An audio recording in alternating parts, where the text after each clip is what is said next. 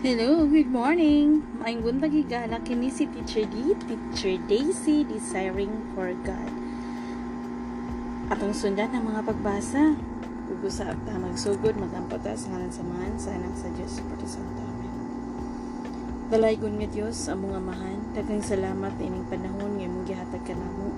Kung hinaot paunta nga kaning namati karon imong i-bless ang iyang kasing-kasing ug iyang hunahuna ug nga kaming duha magkayusa sa imong losab kami sa among mga sala, sa among mga kakuwangan ug tabangi kami Ginoo nga makita namo kung sa imong sugo diri ka namo.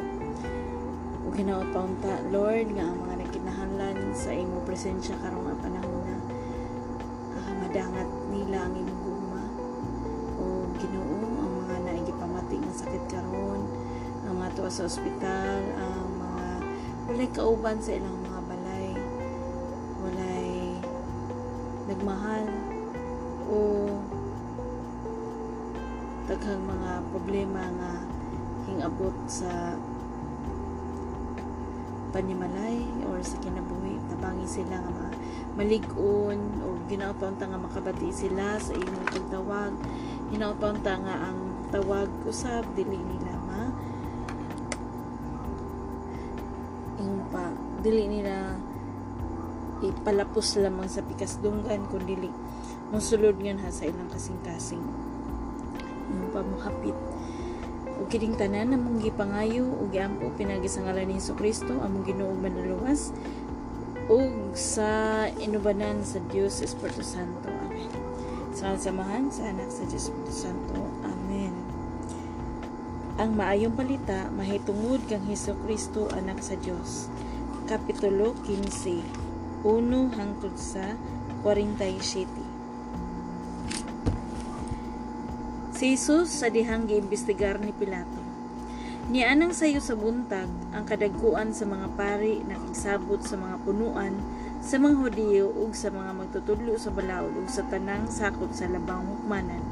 Gigapos nila si Jesus, gidala og gitugyan nga tukang Pilato. Nangutana sa Pilato kaniya, ikaw ba ang hari sa mga Hudiyo? Si Jesus mitubag, giingon mo. Gipasanginlan sa kadagkuan sa mga pari si Jesus sa daghang mga butang. Busa nangutana pag-usap kaniya, pag-usap si Pilato kaniya. Dili ka ba lamang mutubag? Daghan kaayo ang ilang gipasangil kanimo. Apan wala gihapon mutubag si Jesus, busa na hibulong pag-ayo si Pilato. Gihukman si Jesus nga patyon. Versikulo 6 hangtod sa 15. Sa mata kasalugan sa pagsaylo sa mga Hudiyo na batasan ni Pilato ang pagbuhi ug usa ka binilanggo nga pangayoon sa mga tao. Niadto panahon na mayo sa katawo nga gihalag Barabas ug gibilanggo kay usa man siya sa mga misukol sa kagamahanan. Nakapatay siya sa panahon sa usa ka kagubo. Sa dihang nagkapundok na ang mga tao, gipangayo nila kang Pilato ang himuon nga na ang nabatasan niyang buhaton. Unang kutana si Pilato kaniya, buot baka mo nga buhian nako ang hari sa mga Hudiyo? Nasayad man gud si Pilato nga si Jesus kitugyan sa kadagkuan sa mga pare tungod sa kasina apan gihulhugan sa kadagkuan sa mga pari ang mga tao nga pangayoon nila kang Pilato nga si Barabas maoy buhian. Nangutan na pag-usap si Pilato sa mga tao, unsa man di ay ang akong buhaton niining inyong gitawag nga hari sa mga Hudiyo. Ug misinggit sila, ilansang siya sa krus. Kay unsa man di ay ang sala nga iyang nahimo, nangutan na sa Pilato apan misamot tinuon sila pagsinggit, ilansang siya sa krus. Buti Pilato nga mahimuot kaniya ang mga tao busa iyang gibuhian alang kanila si Barabas. Unya gipalatos niya si Jesus gitugyan ngadto kanila aron ilansang sa krus. Gibugal-bugalan si Jesus sa mga sundalo. Gibugal-bugalan si Jesus sa mga sundalo. Gidala si Jesus versikulo 16 hangtod sa 20. Gidala si Jesus sa mga sundalo ngadto sa hawanan sa palasyo sa gobernador ug gipapundok nila ang ubang mga sakop sa tropa. Unya gisuluban nila si Jesus ug kupo nga dagtong pula. Naghimo sila purong-purong sa mga sangang tunukon ug gibutang nila kini sa iyang ulo. Unya misugod sila sa pagyukbo-yukbo kaniya nga nagingon. Mabuhi ang hari sa mga Hudiyo. Ug gibunala nila lipak ang iyang ulo, giludan siya, giluhod, luhuran o giyukbo-yukbuan. Human nila bugal-bugali si Jesus. Gihubuan nila siya sa kupo nga dagtong pula gisuluban pagbalik sa iyang kaugalingong sapot. Unya gidala nila siya sa gawas aron ilansang sa krus. Si Jesus kilansang sa krus, versikulo 21 hangtod sa 32. Samtang nang lakaw sila, gikasugat nila ang usa ka tawo ginalag si Simon nga taga Sirin. Amahan siya ni Alejandro ug ni Rufo. Mao pagayoy pag-abot niya sa syudad gikan sa layong dapit ug gipugos nila siya sa pagpasan sa krus ni Jesus. Gidala nila si Jesus nga sa usa ka dapit nga nganlag Golgota nga sato pa ang dapit sa kalabira. Ug dito misulay sila paghatag kaniya og bino nga sinagulag mira apan midumili si Jesus pag-inom nini. Unya gilansang nila siya sa krus ug gibahin-bahin ang iyang sapot ug nagripa sila kung unsang bahina sa sapot ni Jesus ang ilang maangkon. Alas 9 kadto sa buntag sa dihang gilansang nila si siya sa krus. Ang sumbong nga naisulat sa karatula mao kini. Ang hari sa mga Hudiyo. May duha usab katulisan nga ilang gilansang sa mga krus uban ni Jesus ug ang usa sa iyang tuo ug ang usa sa iyang wala. Ang mga tao nga nang labay nagyango-yango sa ilang mga ulo ug gibugal-bugalan nila sa Jesus. Aha, ikaw di ay katong muguba sa templo ug mutukod niini pag-usab sulod sa tulo ka adlaw. Karon ka na og sa krus ug luwas ang imong kaugalingon. Ang kadagkuan sa mga pari ug mga magtutulo sa bala ug nagbugal-bugal usab kang Jesus ug naging nanay.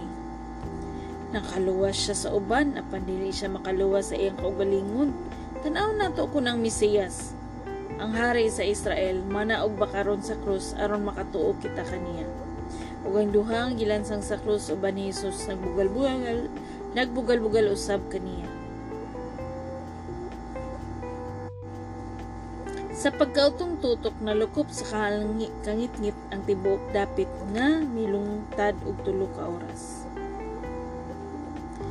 Usa pagka alas ug sa pagka-alas 3 mituaw si Jesus sa makusog. Iloy, iloy lama sa baktani. Nga sa ato pa, Diyos ko, Diyos ko, nganong gibiyaan mo. Dahi mga tao nga nakadungog kaniya og mingon sila, pamati ka mo, nagtawag siya kang Ilyas. Unya mi dagan ang usa ka nila og nagdalag ispungha nga iyang gihumod og aslong nga bino ug gitaod sa tumoy sa usa ka dughit ug iya kining giisa nga to sa mga ngabil ni Hesus ug mingon hulat sa tan-awon ta kuno kon manaog ba sa Elias aron pagkuha kaniya gikan sa krus misinggit si Jesus sa makusog nga tingog ug namatay unya ang tabil sa templo nagisi gikan sa taas ngadto sa ubos ang kapitan sa mga sundalo nagbarog sa tubangan sa krus. Nakita niya ang pagkamatay ni Jesus ug mingon siya. Tinuod gayud nga kining tawhana anak sa Dios. Dito may pipila usab ka nga nagpaantaw uban kanila si Salome, si Maria Magdalena ug sa Maria nga ay inahan sa batan-ong Santiago ug ni Jose. Mao kini sila ang nagubad-uban ug nagtabang kang Hesus samtang didto pa sila siya sa Galilea. Ug may daghan pagayog mga babae didto nga mikuyog kaniya sa Jerusalem. Gilubong si Hesus. Versikulo 42 hangtod sa 47. Sa hapit na mosalop ang adlaw sa bispera sa adlaw ng papahulay. Miabot si Jose nga taga-Arimatea, usa ka tinamod nga sakop sa labang hukmanan ug nagpaabot usab sa paghari sa Dios. Kipangahasan ni Jose ang pag-atubang kang Pilato aron pangayoon ang patayng lawas ni Jesus. Nihibulong si Pilato sa pagabati niya nga si Jesus patay na di ay. Iyang gipatawag ang kapitan ug gipangutana kung taod-taod na bang patay si Jesus. Sa pagadungog ni Pilato sa taho sa kapitan, gitugutan niya si Jose sa pagkuha sa lawas ni Jesus. Pipalit si Jose og panapton nga lino ug gikuha niya ang lawas. Giputos niya kino ug panaptong lino ug gipahimutang sa usa ka lubnganan ni gibangag sa pangpang nga bato.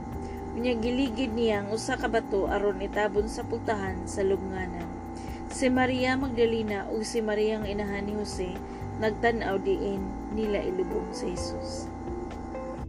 Mao kini ang pulong sa Ginoo. Hello.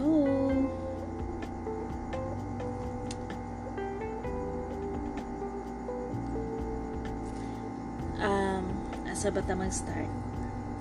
Kanina lang. Unsa man imong pagkaila sa atong Ginoo? Kinsa man siya sa imong kinabuhi? Kini siya nga part sa kapitulo 15 sa atong gibasa karon.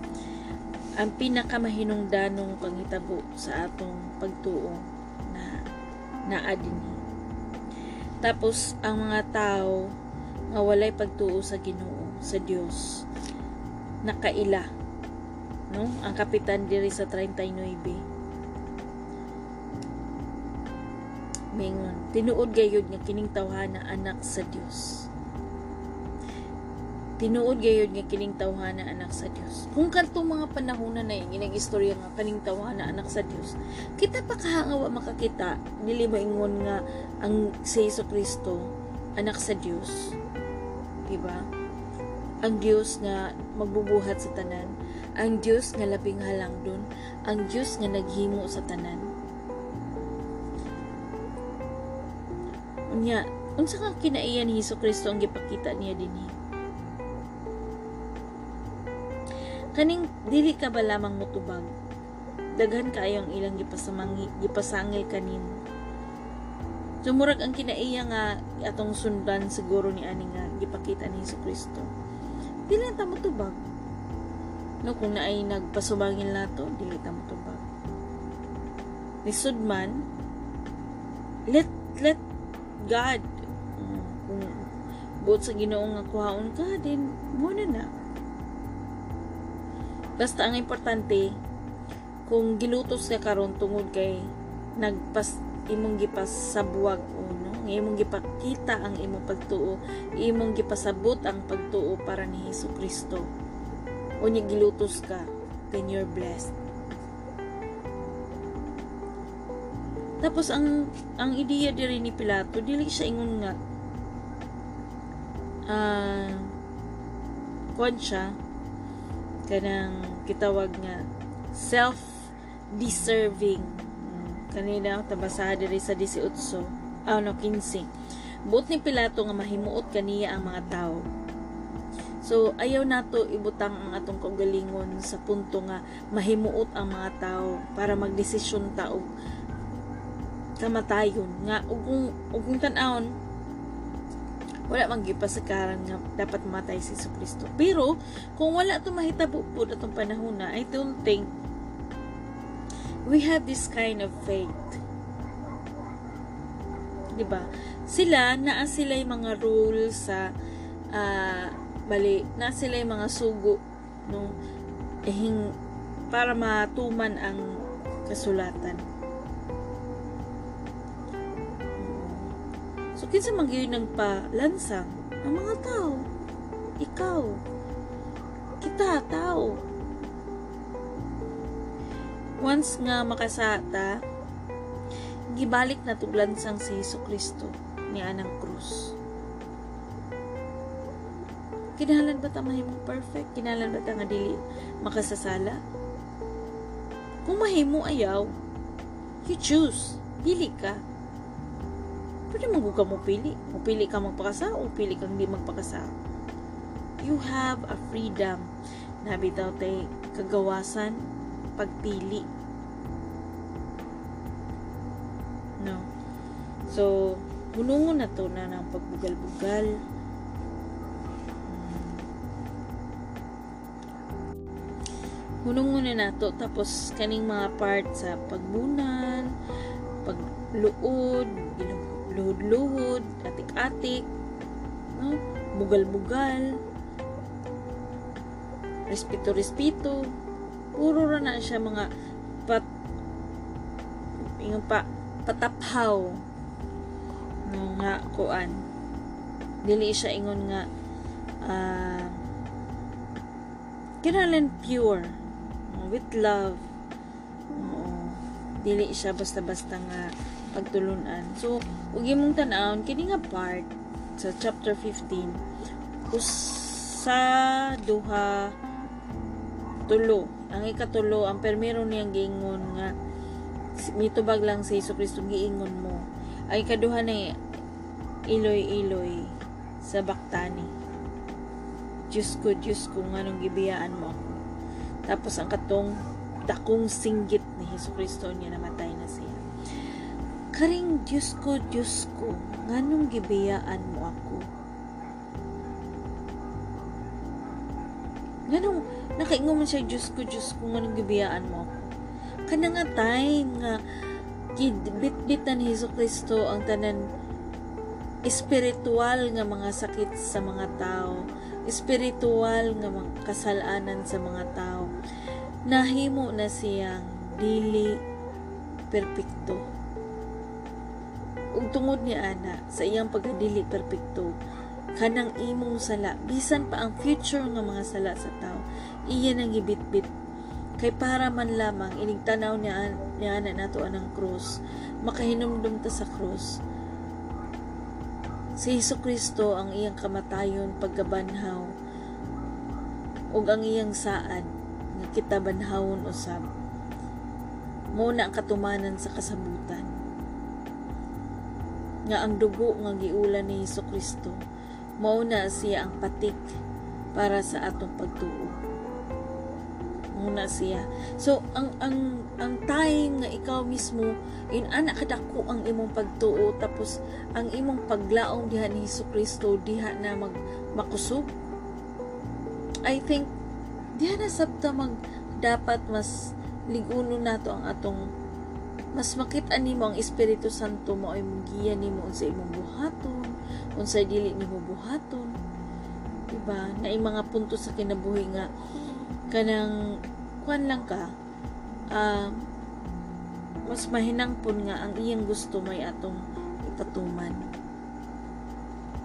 So manghinaot ko igsuon nyo ikaw. Nakita nimo ug asa gyud ang imo. Si Hesus Kristo na ba ang gilubong diha sa imong kasing-kasing kay gusto niya nga siya naa sa atong kasing-kasing tagsa-tagsa ang espiritu niya naa sa atong kasing-kasing Our Jesus Christ is beside the Father. Our Lord is there sitting at the right side. Oo. We have that faith.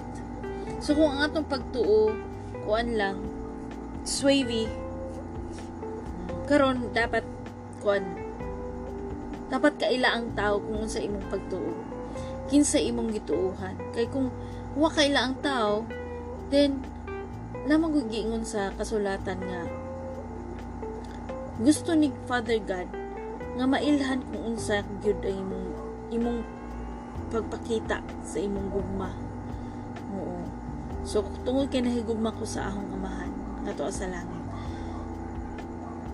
Atong hinaynayon usab akong ginahinayan ang paghigugma nako sa akong amahan nga niya sa yuta ug sa mga tawo nga akong ikahibalang nga ilabi na sa akong paris no uh, it's not easy dili siya sayon nga kanabitang magpuyo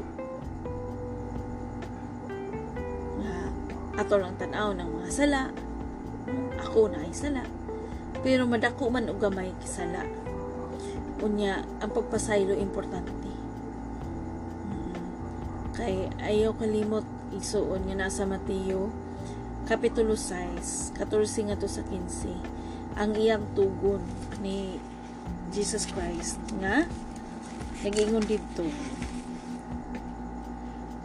kun inyong pasayloon ang nakasala kaninyo pasayloon usab kamo sa inyong amahan nga ato sa langit apan kung dili ninyo sila pasayloon dili usab kamo pasayloon sa inyong amahan nga ato sa langit ang pangutanan nako nimo na feel ba nimo nga may amahan ka nga tuwa sa langit